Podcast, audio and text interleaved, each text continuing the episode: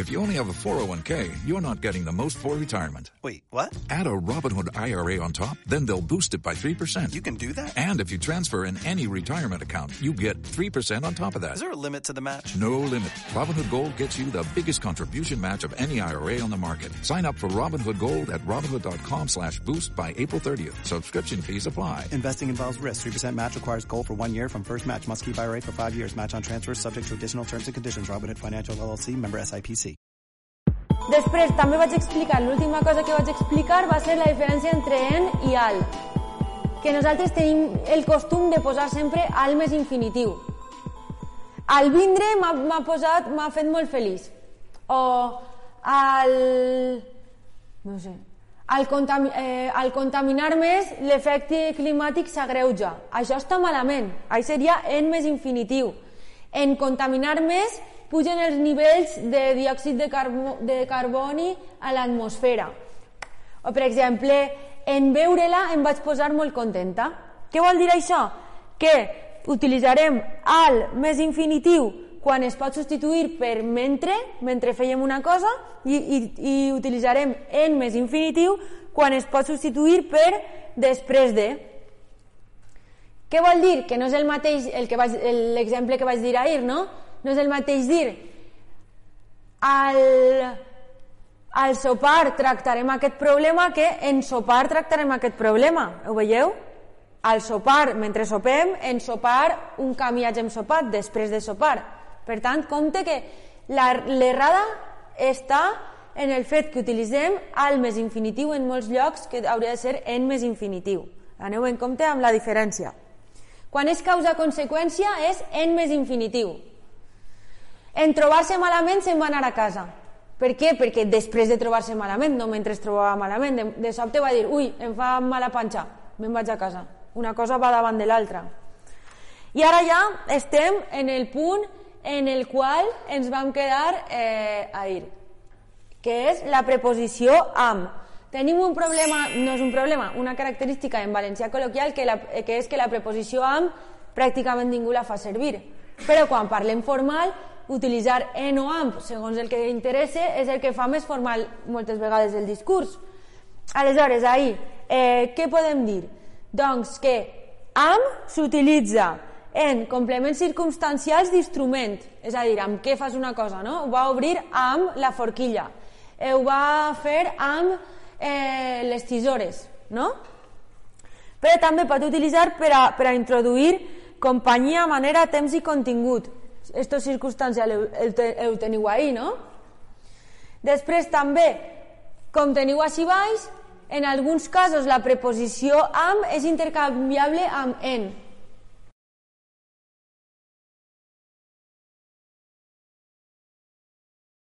Seguís. Eh, el que us estava dient de la preposició amb, molt més fàcil que el que teniu així. A veure, quan en castellà és con, en valencià és am. Quan en castellà és en, en valencià és en. I quin és el significat, xicotet significat que tenen aquestes preposicions? Eh, que en vol dir dins de i am vol dir en companyia de. Aleshores, no és el mateix menjar-nos un peix en tomata que un peix amb tomata. Carn en tomata o carn amb tomata. Carn en tomata és ahí tot ahí sofregit junt, no? I carn amb tomata és, si tenim la carn, si tenim la tomata, cada cosa separada, en companyia de, i en és tot mesclat. Aleshores, ho podem saber amb això o amb, en castellà con, en companyia de i, a, i en dins de. Què més? Ara la preposició de. Què passa amb la preposició de? Que s'utilitza per a complements de lloc o de temps. I indica origen o inici. Aleshores, ahir tenim les funcions que té. Pot anar amb un nom, poemes d'Ausias Marc o autoviat de la Mediterrània, pot anar dient coses de temps, per exemple, eh, sempre es dutxa, es dutxa amb aigua freda d'hivern, d'estiu, de matí, de vesprada, el de té molta relació amb el temps. Després també pot ser d'instrument, com ara es, es va armar de valor, o de manera, anava de gaidó o anava de bòlit. Ho veieu ahí? Què vol dir anar de gaidó? De costat, anava de costat, així. I anar de bòlit, molt ràpid. Anar de bòlit és, uf, és que no puc parar, tinc molta, molta faena i no puc parar. Què més? Utilitzem la preposició de... Ai, estava ahí, perdó. Utilitzem la preposició de quan eh, introduïm un complement directe de tercera persona indeterminat. És quan diem, per exemple, de pa no n'hi ha, de diners no en tinc, d'arròs no en queda, veieu? I de s'utilitza per a els complements directes indeterminats de quantitats. De ganes no en tinc, tot això seria amb la D. O també de vegades s'utilitza per a introduir adjectius. Eh, et queden fulls Sí, però de blancs no, no me'n queden. Haurien de ser eh, de color groc. Eh, o també podríem dir com tenim així. Enguany no hem fet la collita de taronges perquè n'hi havia moltes de menudes. Moltes menudes, moltes de menudes. Aleshores, XD pot introduir adjectius. Què més tenim? Tenim la diferència entre la preposició per i per a. La sabeu? Sabeu quan va per i quan va per a? Raquel, sabeu quan va per i quan va per a? Mira ja. Quan? Sí, nosaltres solem posar sempre per a, però de vegades és per i de vegades per a. Mm. A veure, jo diria que per a normalment té un sentit de, de finalitat. També pot ser, sí. A veure, si ho tenim explicat. Per a introdueix benefactiu, que és el que tu has dit, per a Maria, per a tu, per a ton pare. Destinació, el tren per a Vinaròs.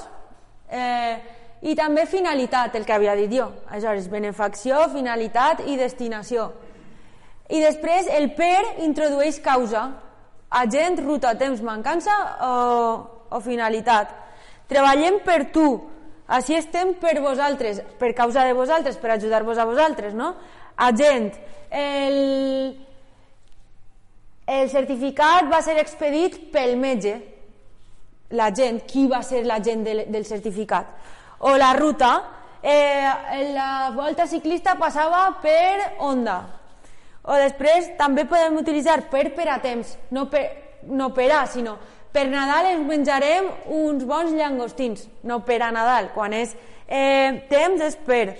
O mancança, això està per fer, això està per construir, això està per contestar, això està per estudiar. O finalitat, però eh, sempre el per a soles sense la A només anirà en finalitat quan darrere tenim un, un infinitiu. Com en este cas, que tenim no parla per no ofendre, i si no, és com si no estiguera, no parla eh, per exemple, estudie per aprovar, estudie per no suspendre. Veieu? Quan aquest per va condicionat per un infinitiu, que una persona fa alguna cosa per alguna cosa amb un infinitiu, és per. I en la resta de finalitats és per a. Eh, així teniu unes, uns consells de per posar per o per a eh, algunes coses.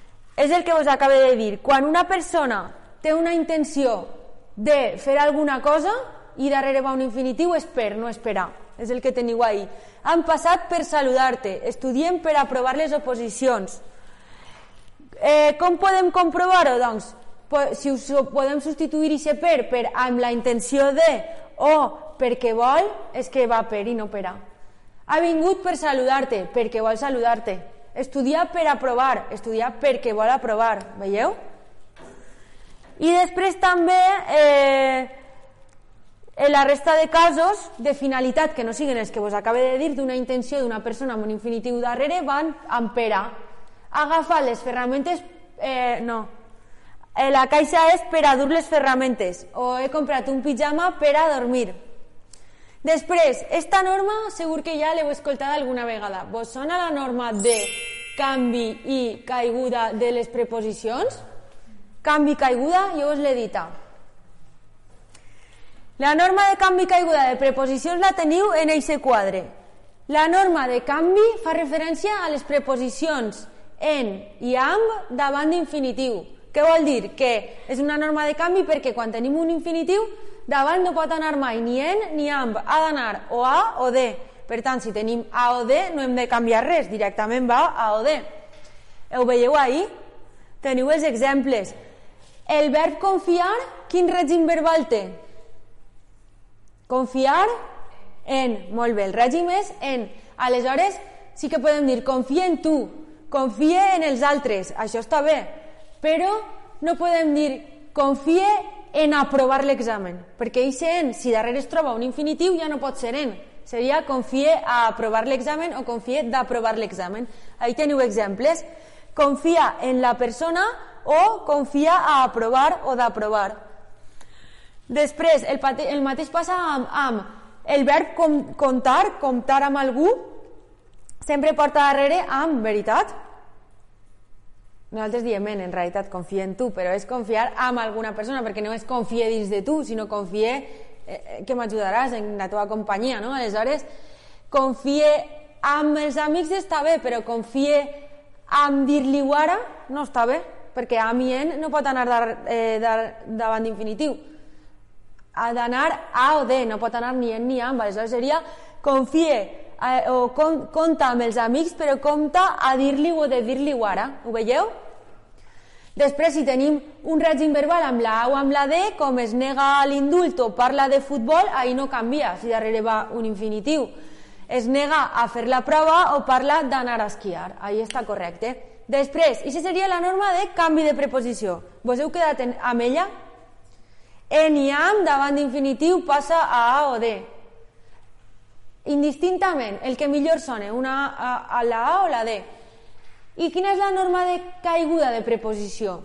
La norma de caiguda de preposició la teniu ahí també, que diu que tant en com am, com a, com de, és a dir, totes les preposicions àtones simples, cauen, desapareixen, s'eliminen, se li deixen, s'ometen, davant del que conjunció, del que sense accentuar.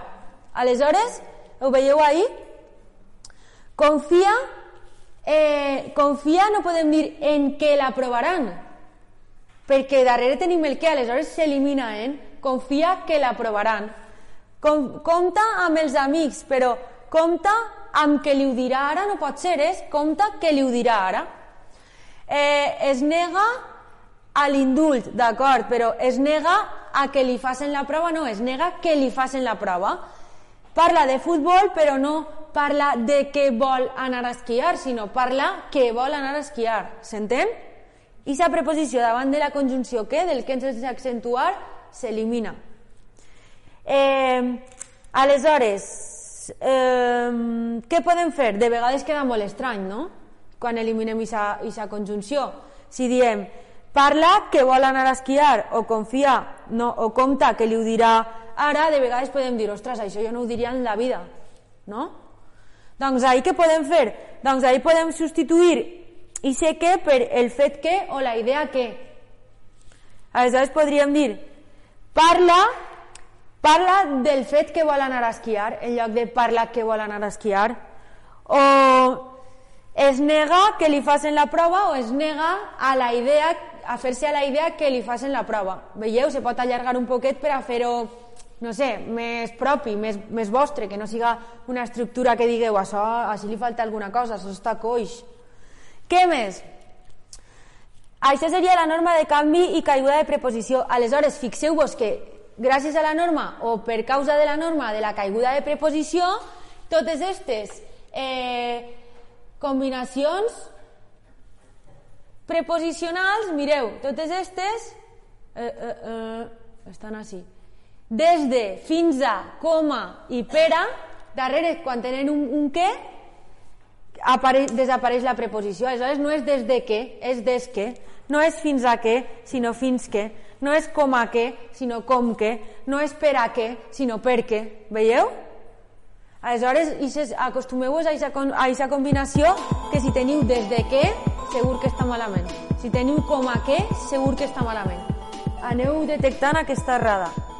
I després així tenim una altra informació que és el tema de la coordinació de les preposicions.